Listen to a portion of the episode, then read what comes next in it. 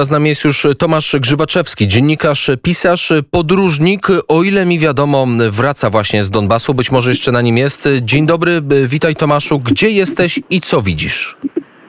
Dzień dobry panie redaktorze, dzień dobry państwu. Ja tylko doprecyzuję, że ja jadę właśnie na Donbas. W tym momencie jestem w pociągu, minąłem Połtawę i zbliżam się w stronę wschodnich rejonów Ukrainy, w których niestety e, od kilku dni jest coraz bardziej gorąco. E, gdzie Rosja próbuje przeprowadzić operację, prowokację, nastąpić zastawić nową Ukrainę. Także dopiero przede mną ten, ten który tam spędzę, wcześniej byłem między innymi w Sumach, to jest miasto na północnym wschodzie Ukrainy, przy granicy z Rosją.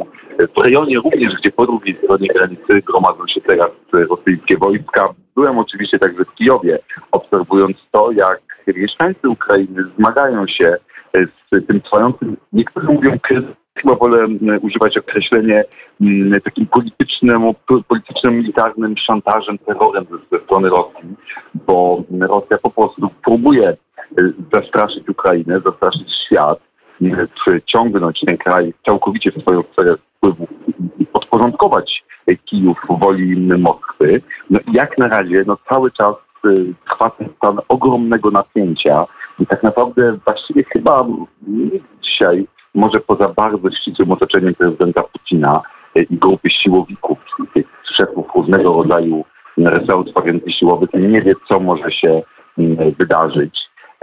Tak, i te, te, informacje zbieramy i śledzimy. W tle słyszę ten pociąg, którym redaktor Grzywaczewski zmierza do, na Donbas. Tymczasem jeszcze zatrzymajmy się na chwilę w Kijowie. Widziałem w mediach społecznościowych, że wrzucałeś choćby zdjęcia kamizelek kulotpornych dla psów. Co to, co to było za miejsce?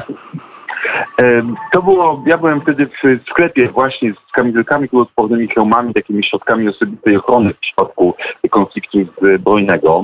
Dzisiaj na zakup kamizelki kuloodpornej czeka się w Kijowie, w Kijowie wiele tygodni. E, po prostu ten sprzęt został wykupiony. Bardzo wiele osób wstępuje do Wojsk Obrony Terytorialnej i przygotowuje się przed taką potencjalną, czy na wypadek takiej potencjalnej inwazji. Natomiast chciałbym podkreślić, że cały czas na Ukrainie nie ma paniki.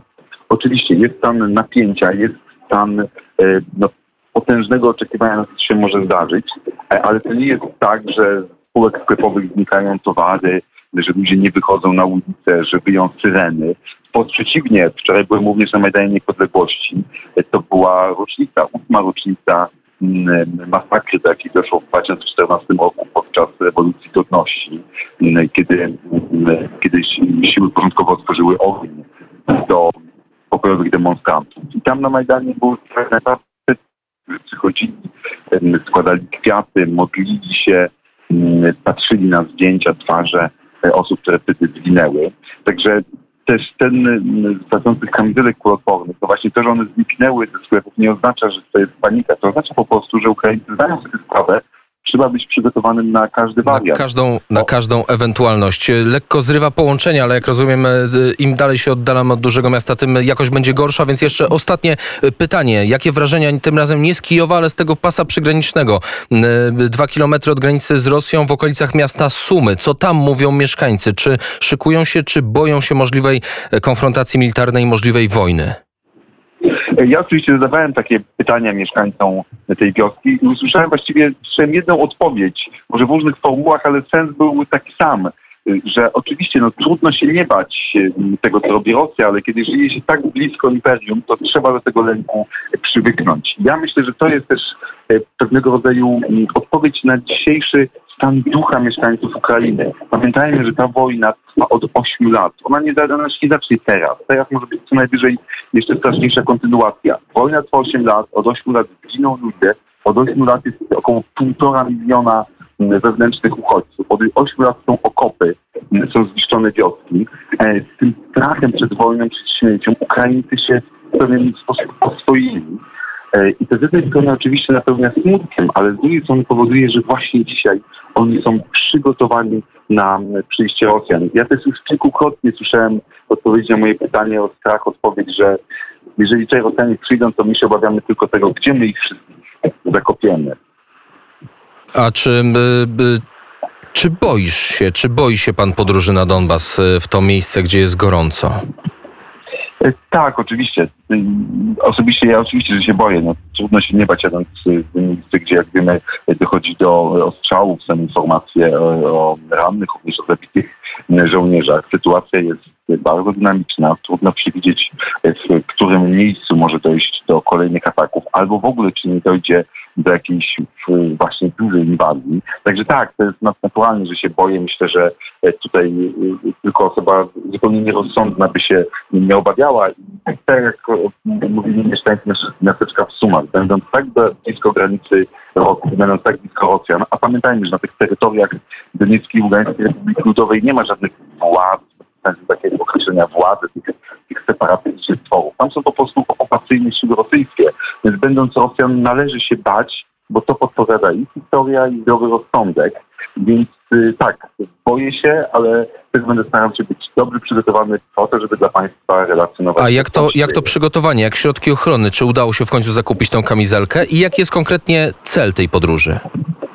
E, Tak, tak, oczywiście tutaj dzięki e, przede wszystkim e, w wsparciu mojej koleżanki, dziennikarki Moniki Antoszewskiej, która od lat mieszka w Kijowie, od lat jeździmy na front, ona zorganizowała dla nas i kamizelki kuloodporne, i hełmy, e, też zorganizowała, umożliwiła wjazd ten m, rejon bezpośrednio linii frontowej. My chcemy przede wszystkim e, pokazać, jak wygląda tam życie co oni teraz sądzą o obecnej sytuacji. Chcemy też pokazać, jak wygląda e, życie żołnierzy w tej niezwykle napiętej sytuacji i przypomnieć, że oni w tych okopach właśnie są nie od wczoraj, nie od zeszłego tygodnia, nie od momentu, kiedy Ukrainą ponownie zainteresowały się światowe media na początku tego roku, ale że oni tam są od 8 lat, że oni właśnie w tamtym miejscu bronią Ukrainy przed rosyjską agresją, bo gdyby nie oni, to Rosja już dawno zajęłaby o wiele większe połacie Ukrainy E, i to ci ludzie e, powodują, że dzisiaj cały czas Rosja nie zdecydowała się na atak. To oni są naprawdę na pierwszej linii frontu e, obrony nie tylko Ukrainy, ale w mojej ocenie całej e, Europy przed neoimperialną Rosją. Bo dzisiaj gra nie toczy się tylko o Donbas, nie toczy się o Kijów. Gra toczy się o cały porządek europejski.